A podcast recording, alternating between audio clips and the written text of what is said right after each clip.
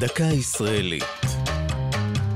השבוע, אוניברסיטת בן גוריון בנגב לציון יובל להקמתה. והפעם, ארכיון בן גוריון. לו היה לו לראש הממשלה הראשון דואר אלקטרוני, מה היה כתוב בו?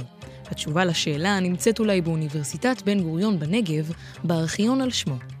אמנם ברשות הארכיבאים לא מצויה הסיסמה לג'ימייל של ראש הממשלה הראשון, אבל הם מחזיקים בכל מכתביו ויומניו האישיים שנותרו בצריפו בקיבוץ שדה בוקר אחרי פטירתו בשנת 1973.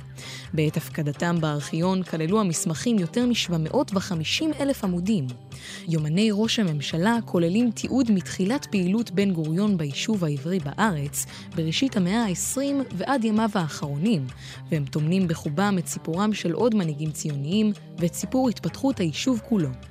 בד בבד הוקם בארכיון גם אוסף תיעודים היסטוריים מארכיונים אחרים, כגון ארכיון המדינה, הארכיון הציוני המרכזי וארכיון מפלגת העבודה. אם אתם חוששים פן השיטוט בארכיון חדירה לפרטיותו של בן גוריון, כדאי לדעת שהמוסד שואב את מעמדו החוקי מחוק בן גוריון, שחוקק ב-1976. במיזם משותף עם חברת מייקרוסופט, מועלה תוכן הארכיון לתוכנה מקוונת, שתכלול את כל כתבי בן גוריון. זו הייתה דקה ישראלית על אוניברסיטת בן גוריון וארכיון בן גוריון. כתבה עמליה נוימן. ייעוץ הדוקטור עדי פורטוגז. הגישה עמלי חביב פרגון.